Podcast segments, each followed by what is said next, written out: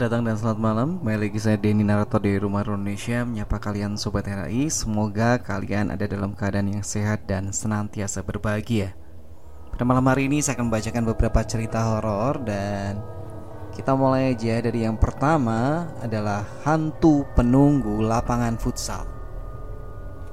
Cerita ini diawali dengan saat aku bermain futsal bersama teman-temanku di tempat futsal di Jalan Mastrip, Surabaya saat itu aku bersama 10 orang temanku membuking lapangan untuk hari Selasa malam. Tapi kami mendapat giliran pada jam 10 malam. Kami semua ini berprofesi sebagai karyawan pabrik dan bekerja di berbagai pabrik di sekitar daerah Tanjung Sari, Surabaya Barat. Kami dipertemukan di suatu gang tempat kami ngekos dan ngontrak sekitar pabrik. Malam itu kami berangkat dari rumah kos atau tempat kerja masing-masing dan berkumpul di warung kopi depan tempat futsal pada jam 21.30. Sambil nunggu yang lainnya, saya, Rudi, Yoyon, Budi, Joni, dan Rian memesan kopi dan mie instan. Setelah pesanan kami selesai dan kami santap sampai habis, namun teman-teman yang lainnya belum kelihatan batang hidungnya. Akhirnya kami memutuskan untuk masuk ke lapangan futsal dahulu sebab waktu itu sudah menunjukkan jam 22 lebih 10. Sesampainya di lapangan, kami berganti kostum dan si Joni menyelesaikan administrasi lapangan yang belum kami lunasi kemarin. 10 menit sudah berlalu dan lima teman kami yang lain baru nongol sambil cengengesan karena terlambat. Sambil senyum-senyum mereka berganti kostum di loker dengan gelagat yang aneh menurut saya. Andre, Nico, Jimmy, Samsul, dan Buruhan memakai parfum yang menyengat dan berbau aneh. Namun itu tidak kami hiraukan karena diburu jam yang hanya dua jam sewa itu. Kami pun berlatih futsal selama dua jam tanpa ada keanehan. Yang kami lakukan seperti biasa-biasa saja. Dan justru permainan kami kali ini amat seru. Kami main dengan skor 8-9 untuk kemenangan tim kami. Ini membuat otak dan tubuh kami segar dan gembira karena ini merupakan obat dari kejenuhan rutinitas kami. Setelah selesai kami pun pulang ke gang di mana kami semua ngekos dan melepaskan lelah malam itu. Karena keesokan harinya semua harus kembali dengan kesibukan kerja masing-masing. Keesokan harinya menjelang sore kami ngumpul di warung kopi milik Cak Bejo dekat gang tempat kos kami. Andre, Niko, Jimmy, Samsul, dan Burhan Mereka berasal dari satu kontrakan yang sama Kami bersepuluh pun ngopi dan pesan mie instan kesukaan kami Tiba-tiba si Samsul meminta maaf pada saya karena tadi malam dia dan keempat temannya tidak bisa ikut bermain futsal bersama kami.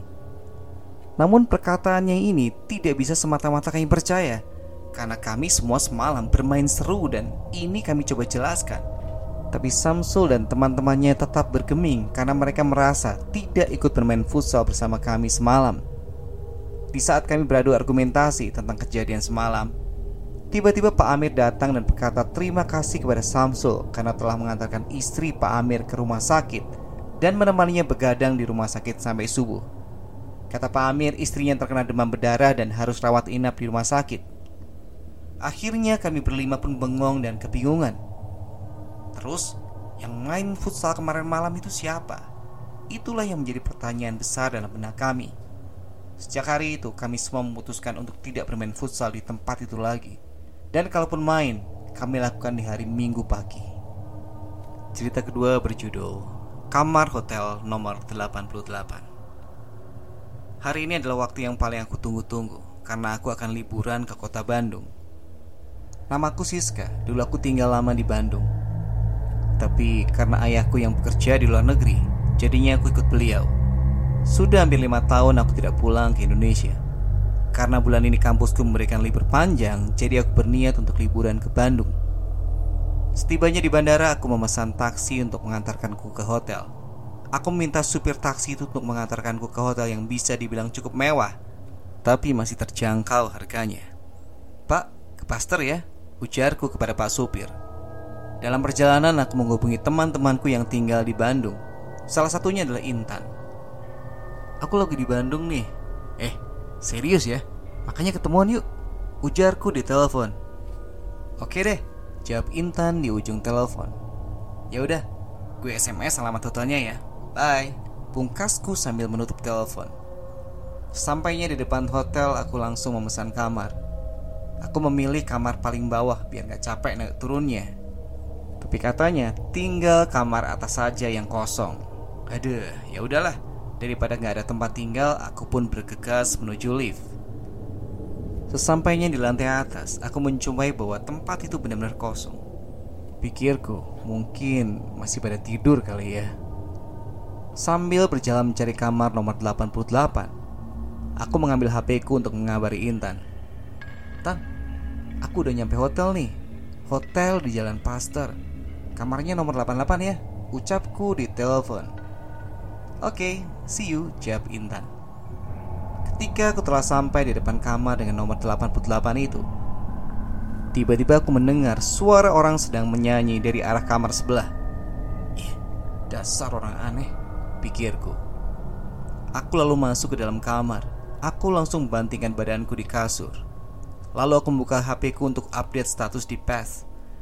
I am at hotel. Hello Bandung, aku kangen banget. Setelah itu aku lalu membereskan pakaianku yang ada di koper. Aku gantung satu persatu baju yang akan aku pakai selama di Bandung. Ketika aku sedang berdiri di depan cermin untuk mencoba beberapa baju, tiba-tiba aku melihat sekelebat bayangan di belakangku masuk ke dalam kamar mandi. Dengan cepat aku langsung membalikkan badanku. Tan, Intan, aku udah nyampe. Cepet banget. Ucapku yang mengira itu adalah Intan temanku. Aku langkahkan kakiku sedikit demi sedikit untuk melihat siapa yang ada di kamar mandi. Dan gak ada siapa-siapa. Aku langsung menutup kembali pintu kamar mandi itu, lalu menyalakan semua lampu yang ada di kamar itu. Terdengar suara HP ku bunyi. Aku segera mengambil HP ku dan ternyata itu adalah komentar dari temanku di Path. Katanya, gila, berani sekali kau sis tidur di hotel itu sendirian. Ah, aku hanya tersenyum sinis membaca komentar dari temanku itu. Soalnya dia dari dulu emang suka nakut-nakutin orangnya. Singkat cerita, jam menunjukkan pukul 5 sore. Intan belum juga datang ke sini. Akhirnya aku menelpon Intan lagi dan menanyakan dia ada di mana. Halo Tan, kamu di mana? Tan, halo, halo. Suaranya nggak jelas. Tan, halo, kamu di mana sih Tan? Tan, dengerin, Aku nunggu di hotel, cepetan ke sini. Halo, Tan? Tan? Ucapku. Ah, mungkin dia lagi di jalan kali ya. Ketika aku sedang nonton TV Tiba-tiba terdengar suara bel kamarku berbunyi. Aku langsung berlari menuju pintu Dan mengintip dari lubang kecil di pintu untuk melihat siapa yang datang. Dan itu Intan. Aku langsung buka pintu lalu berteriak dan memeluknya. Intan Ah, aku kangen banget ucapku. Masuk, masuk Tan, masuk Sambungku Aku langsung persilakan Intan masuk dan menyimpankan tasnya. Tan, diam aja sih? Gak kangen ya sama aku? Tan, ucapku. Intan lalu tersenyum dan langsung memelukku dengan erat. Dia bilang dia bakalan nginep di sini bareng aku. Seneng banget dengernya. Tan, tangan kamu kok dingin banget sih? Emang di luar hujan ya? Uh, mana bau lagi? Baru nyemplung got ya? Ganti baju gih. Enak nyiumnya. Ucapku sambil bercanda. Intan hanya tertawa menanggapi pertanyaanku. Tapi kok ketawanya terdengar asing ya? Yang aku tahu Intan itu ketawanya bisa terbahak-bahak. Tapi sekarang kok ketawanya kayak ya kayak kuntilanak. Tapi udahlah, singkat cerita, jam menunjukkan pukul 10 malam. Aku dan Intan sedang bersiap-siap untuk tidur. Tapi tiba-tiba aku mendengar suara air di kamar mandi. Aku lalu bangun dan segera mematikan keran air di kamar mandi itu. Setelah aku matikan, aku langsung berjalan menuju tempat tidur. Aku lihat Intan nampaknya sudah tertidur pulas. Aku menarik selimut dengan perlahan untuk menutupi badan Intan. Tapi aku belum ngantuk juga. Tumben. Akhirnya untuk menghilangkan rasa bosan, aku mengambil HP-ku dan memainkannya. Sekitar jam 12 malam mataku belum juga ngantuk. Tiba-tiba aku dikagetkan oleh suara batuknya Intan. Dia batuk begitu rupa. Ya ampun Tan, Kaget aku. Kamu gak apa-apa Tan? Tanya aku kepada Intan. Intan hanya terdiam dan kembali tidur. Tak lama dari itu aku mendengar kembali suara air di kamar mandi. Kenapa sih itu air kamar mandi? Berisik banget, gerutuku kesal. Aku mengambil HP-ku lalu menyalakan senternya dan ketika aku sedang mematikan air di kamar mandi, tiba-tiba HP-ku berbunyi. Loh kok Intan SMS sih?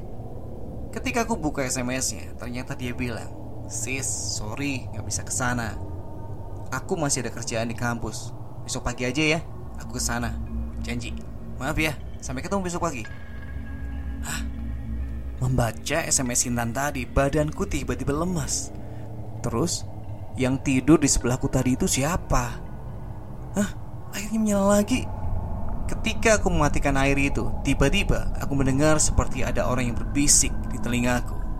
Suaranya nggak jelas Entah suara apaan lah Aku langsung lari ke arah kamar Dan sekarang aku melihat Ada kuntilanak sedang duduk di kasurku Keesokan harinya aku terbangun di lobi hotel Banyak sekali orang yang mengelilingiku Aku perlahan siuman dan aku diberi air oleh salah satu pengurus hotel di sana. Aku langsung menceritakan semuanya yang terjadi padaku tadi malam. Dan dia bilang kalau kamar itu dulunya memang ada yang bunuh diri di sana. Sebenarnya kamar itu nggak pernah dipakai dan dia bilang kalau aku salah masuk kamar. Oke mungkin gitu dulu cerita buat malam hari ini. Semoga kalian terhibur. Sampai ketemu di cerita berikutnya. Selamat malam, selamat beristirahat.